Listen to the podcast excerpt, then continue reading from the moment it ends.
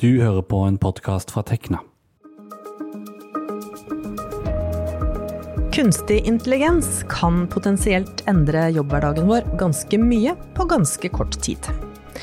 Hvem skal nyte godt av at jobbene våre effektiviseres? Hvilke rettigheter har jeg hvis arbeidsgiver ønsker å automatisere deler av, eller kanskje alle oppgavene mine? Og er det lov å bruke kunstig intelligens til å velge ut ansatte til oppsigelse ved nedbemanning f.eks.? La oss høre med en advokat. Jeg heter Vibeke Westerhagen, og du hører på Organisert, en podkast om jobb, juss og karriere. Velkommen til deg, Frode Steinebakken Rognså. Du er advokat i Tekna. Hei. Hei, takk for det. Eh, du, først et spørsmål som vi har fått fra en lytter. Han lurer på, hvis jeg begynner å bruke et verktøy med kunstig intelligens som gjør at min arbeidsmengde kuttes ganske mye, kan jeg da bare ta fri mens maskinen jobber for meg? Mm. Og trenger jeg ikke å si fra til sjefen min, egentlig? Eller? ja, det er jo et uh, godt spørsmål, og det er selvfølgelig fristende å tenke at man kan ta fri hvis uh, maskinen blir slaven din og gjør jobben din, men uh, så enkelt er det vel ikke i praksis. Jeg tenker det er to dimensjoner her. Det ene er eh, for det første hvis det du bruker er noe du har skapt i jobben, eh, så kan det være noe som arbeidsgiver eier. altså selve verktøyet tenker du på da, ikke sant? Selve verktøyet, ja. Mm. Det som opphavsrettslig si, ligger innenfor det arbeidsgiver kan overta, det, det vil jo være eh, altså alt som skapes som har en, eh, en, verdi eller merverdi for eh, arbeidsgiver, altså hva sammenheng med arbeidsforholdet. Mm. det som man kan beskytte eh, når det gjelder eh, datamaskinprogram og sånt, det vil jo da være selve kildekoden. Da har man liksom skrevet om noe helt fra bunnen. Men hvis du ikke jobber som utvikler, og du heller ikke jobber altså med noe som har med utviklingsoppgaver å gjøre, eh, så er det ikke sikkert at arbeidsgiver skal overta. Men de kan ha rett til å overta. Men poenget er at du må si fra til arbeidsgiver. Uh, og Den andre dimensjonen er at du bruker et eksisterende verktøy, uh, som f.eks. ChatGPT. Uh, og så finner du en måte å bruke det på som gjør at du reduserer tidsbruken på oppgavene dine med 50 eh, Da må du også si fra til eh, arbeidsgiver, for det er eh, selvfølgelig eh, regler for eh, betaling av lisenser, og det er snakk om eh, rettigheter til bruken av et produkt. og det vil ikke en seriøs arbeidsgiver tillate at du bruker uten at du måtte ha sagt fra at det formelle er i orden. Da. Så mm. ja, du må si fra. Man må si fra. Men det er litt skummelt da, å si fra at nå har jeg veldig god tid. Tenk hvis det ikke er noen andre oppgaver til deg, liksom. Ja. Det er jo veldig mange som uh, spår at uh, innfasingen av eh, KI vil føre til en ganske stor grad av effektivisering. Mm. Men jeg pleier å si til de av Tiknas kyndige medlemmer som spør, og de kan ha mye mer om dette enn meg, men da sier jeg, La oss se fem år tilbake i tiden. Eh, hvor mange jobber var det som fantes eh, da, som ikke finnes i dag? Og hvor mange jobber er det som er blitt nye? Mm. Eh, F.eks. dronepiloter. Det fantes ikke for fem år siden. Nå er det bøttevis.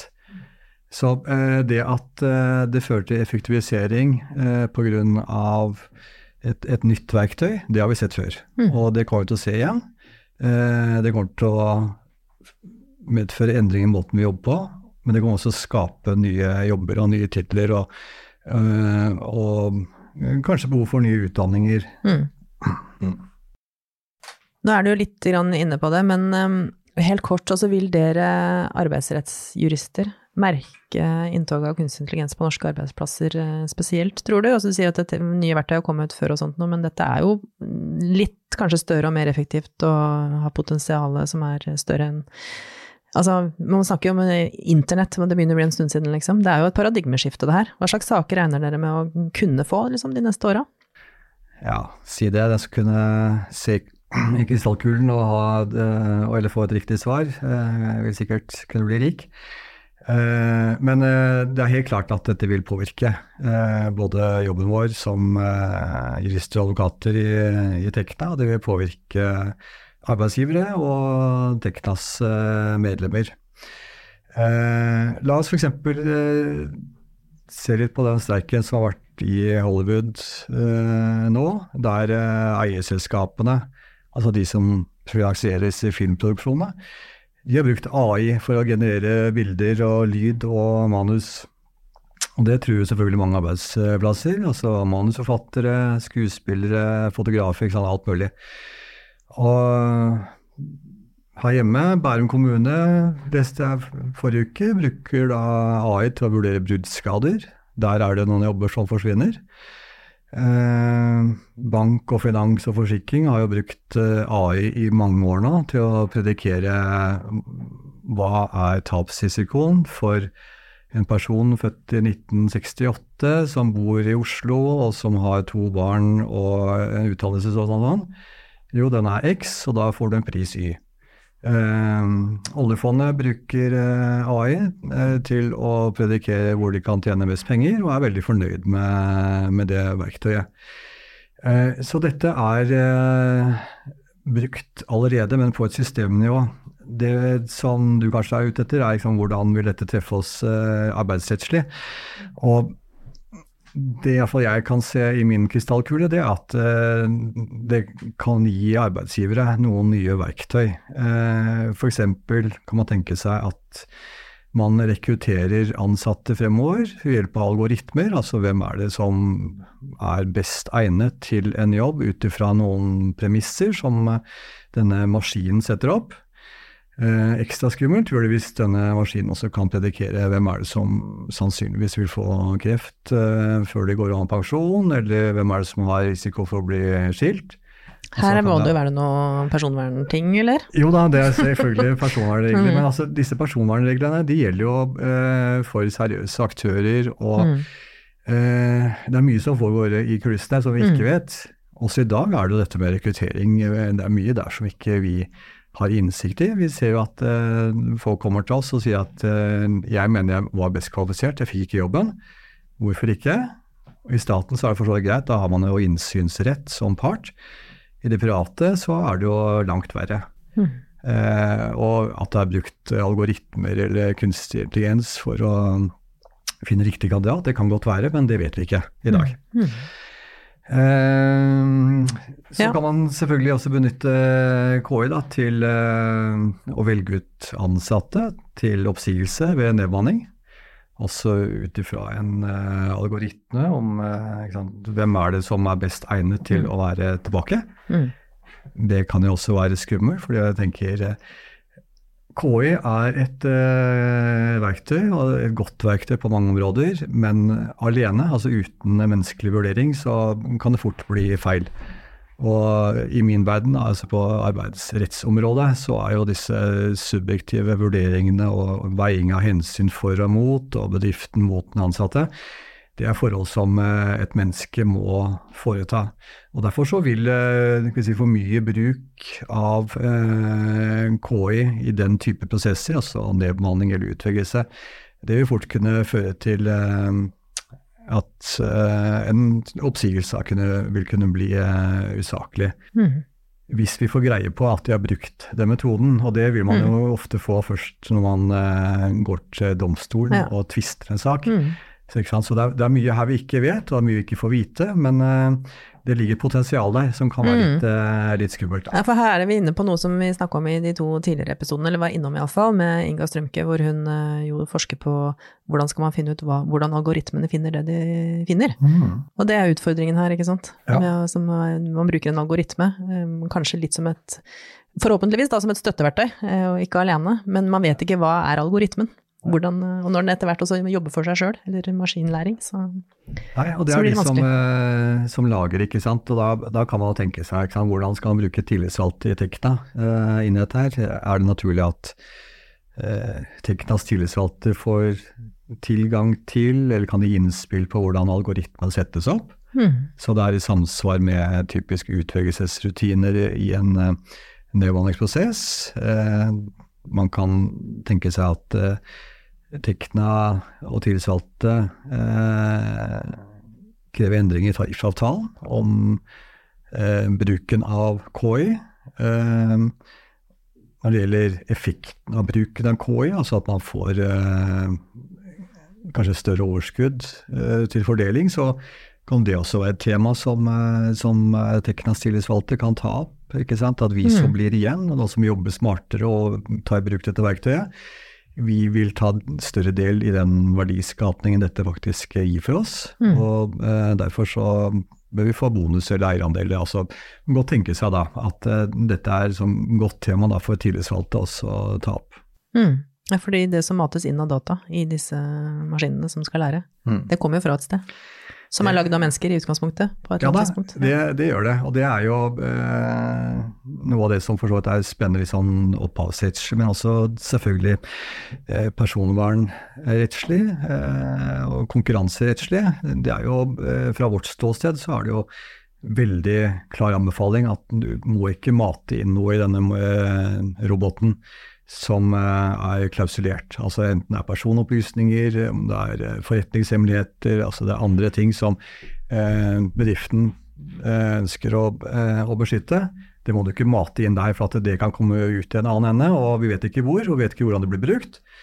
Og det er litt sånn ekkelt da, ikke sant, hvis noe smart som dere har funnet opp i bedriften og bruker, plutselig eh, kommer ut den andre enden hos en konkurrent som bruker samme eh, Mm. KI. Mm. Ja. Men du, hvilke rettigheter har jeg liksom faktisk hvis, eh, hvis arbeidsgiver da ønsker at eh, de oppgavene jeg sitter med i dag skal delvis eller helt automatiseres? Ja, I dag så er det jo helt klart arbeidsmiljølovens regler som gjelder. Innføringen av ny teknologi vil ikke medføre endringer i hvordan vi oppfatter stillingsvernreglene i arbeidsmiljøloven. Den skal være en, si, en dynamisk eh, lov, eh, heldigvis. Og så må den selvfølgelig da fortolkes ut ifra en, eh, en kontekst, eh, og at utviklingen går, eh, går fremover. Det har domstolene ganske god koll på. Bare tenk på den teknologiske utviklingen som har vært de siste 20-30 årene. og Så liksom se på hva er på en måte normalsituasjonen, eh, hvordan passer da loven inn i det. Men det har eh, domstolene klart å, å ordne veldig, veldig godt. Mm. Eh, men det er klart, eh, man må eh, kanskje tenke på eh, hvordan man bruker lovverket. Man må tenke på tillitsvalgte, man må tenke på om man skal få inn noe mer i tariffavtaler. Det er jo i dag eh, egne regler om drøftinger med tillitsvalgte før man tar beslutninger som går på bemanning. Man har stigningsvernsreglene i arbeidsmiljøloven.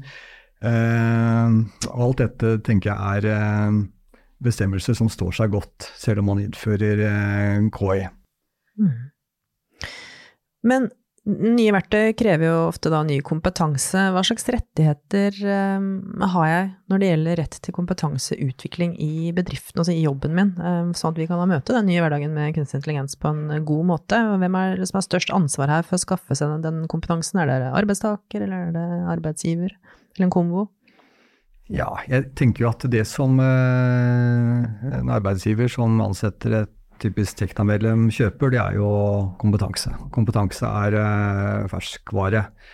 Og kompetanse og kompetanseutvikling tenker jeg ofte vil være et eh, klart premiss for tiltredelse i eh, stilling. Det må da vedlikeholdes, og det må utvikles. Og det er jo begge parters eh, interesse. Eh, det er jo på en måte der vi si, konkurransefortrinnet ligger, altså i kloke hoder. Og i måten disse hodene bruker kompetansen sin på, så får man på en måte en, en utvikling som kan gi grunnlag for uh, nye produkter, og man kan få, uh, ja, få en posisjon i markedet da, som, uh, som, andre ikke har. Så jeg tror dette er, er, ganske naturlig at det er arbeidsgiver som tar ansvar for det, at dette fremgår av enten arbeidsavtalen eller krav om sertifisering for stillingen du har, eller tilsvarende. Eh, hovedavtalen til Tekna og NHO har også tilsvarende bestemmelser om dette med kompetanseutvikling, som tillitsvalgte kan passe på at, at bedriften da faktisk tar en kartlegging av kompetansebehovet, setter opp kompetanseplaner og dekker av kompetansegap. Så det følger på at det allerede i dag av tariffavtalen. Men så er jo spørsmålet eh, dette med KI, hvis du jobber et sted hvor man ikke bruker KI, altså har ikke interesse for KI, eller tror at det ikke treffer virksomheten, eh, så eh, blir jo problemstillingen mer er det på et need to know eller nice to know-basis. Og der det er ikke regnet for å være kritisk for din egen kompetanse eller for bedriftens utvikling, Eh, så jeg tenker at ansvar flyttes fra arbeidsgiver og til arbeidstaker. da, Til å bli liksom litt mer som en hobby eller som en interesse. Eh, eller som en sikkerhet, fordi hvis man skal være aktuell kandidat i andre jobber, kanskje? Absolutt, det tenker jeg det er jo viktig. Men i dag så er det jo litt sånn, så vidt jeg har oversikt over, da, så er det litt, skal vi si, eh, usikkert hva man egentlig skal lære seg når det gjelder bruken av KI.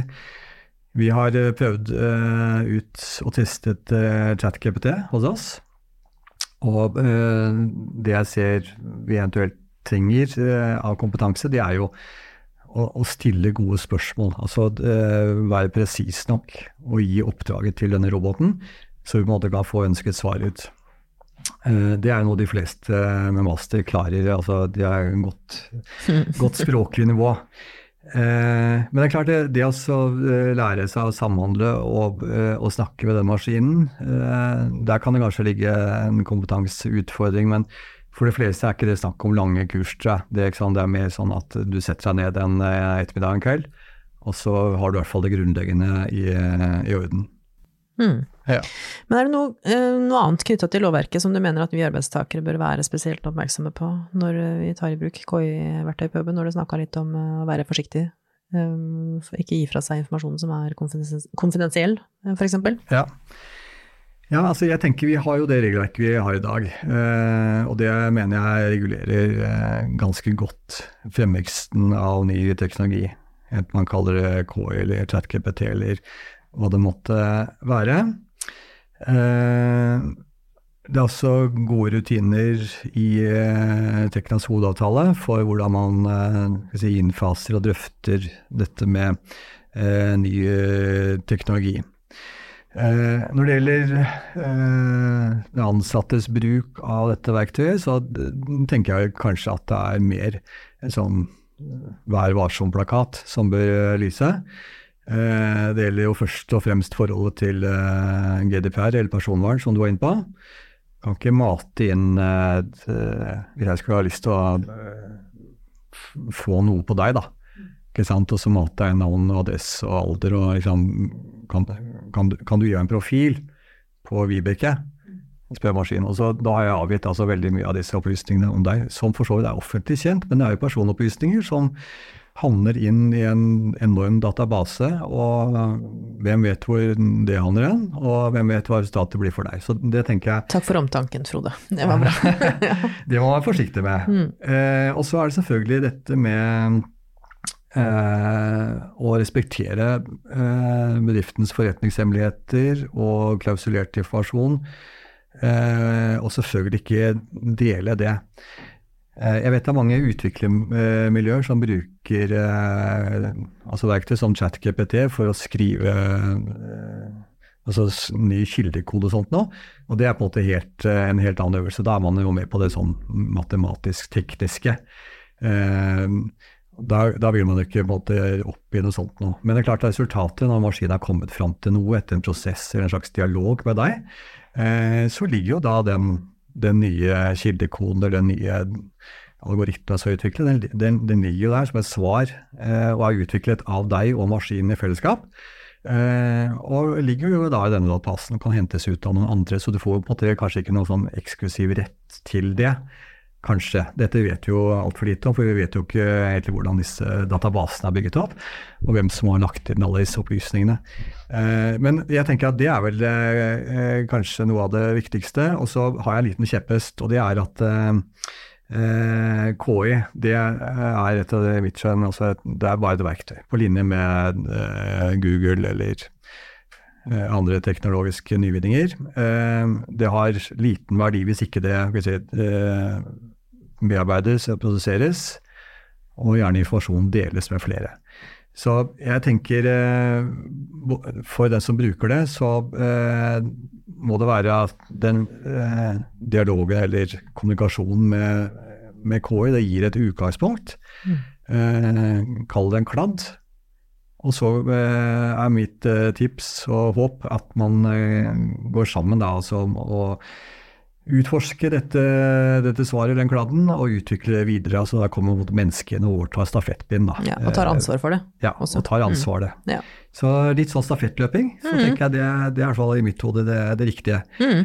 Og eh, kommer man i en situasjon hvor man både bare sitter på sitt eget kontor og snakker med KI-roboten, eh, så er jo det skummelt av mange årsaker, men eh, sånn for arbeidsmiljøet også, ikke sant. Det blir jo helt håpløst.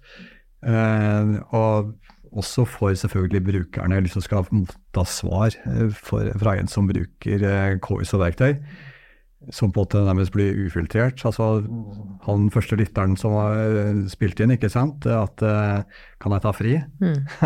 det blir bare sånn der salebåndsproduksjon eh, mm. uten filter. Ja. Og det, det kan vi ikke ha. Det skal vi ikke ha heller. Nei. Nei.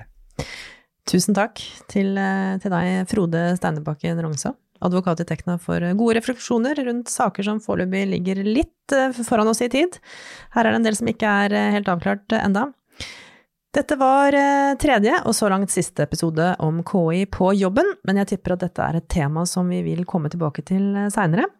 Om du som har lytta har syntes at det har vært interessant å høre på, eller kanskje det var helt uinteressant, så vil vi også gjerne høre om det, eller du vil eh, at vi skal ta opp andre ting, så send oss gjerne tilbakemelding til podkastkrøllalfatekna.no, eller bare si hei, det setter vi stor pris på. Vi er tilbake om ikke lenge. Tusen takk for at du hørte på.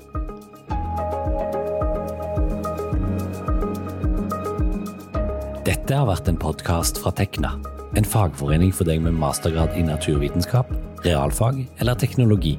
Les mer om oss på tekna.no. Programleder var Vibeke Westerhagen, reporter Sondre Tallagsrud, og teknisk ansvarlig var meg, Andreas Kili Grenasberg.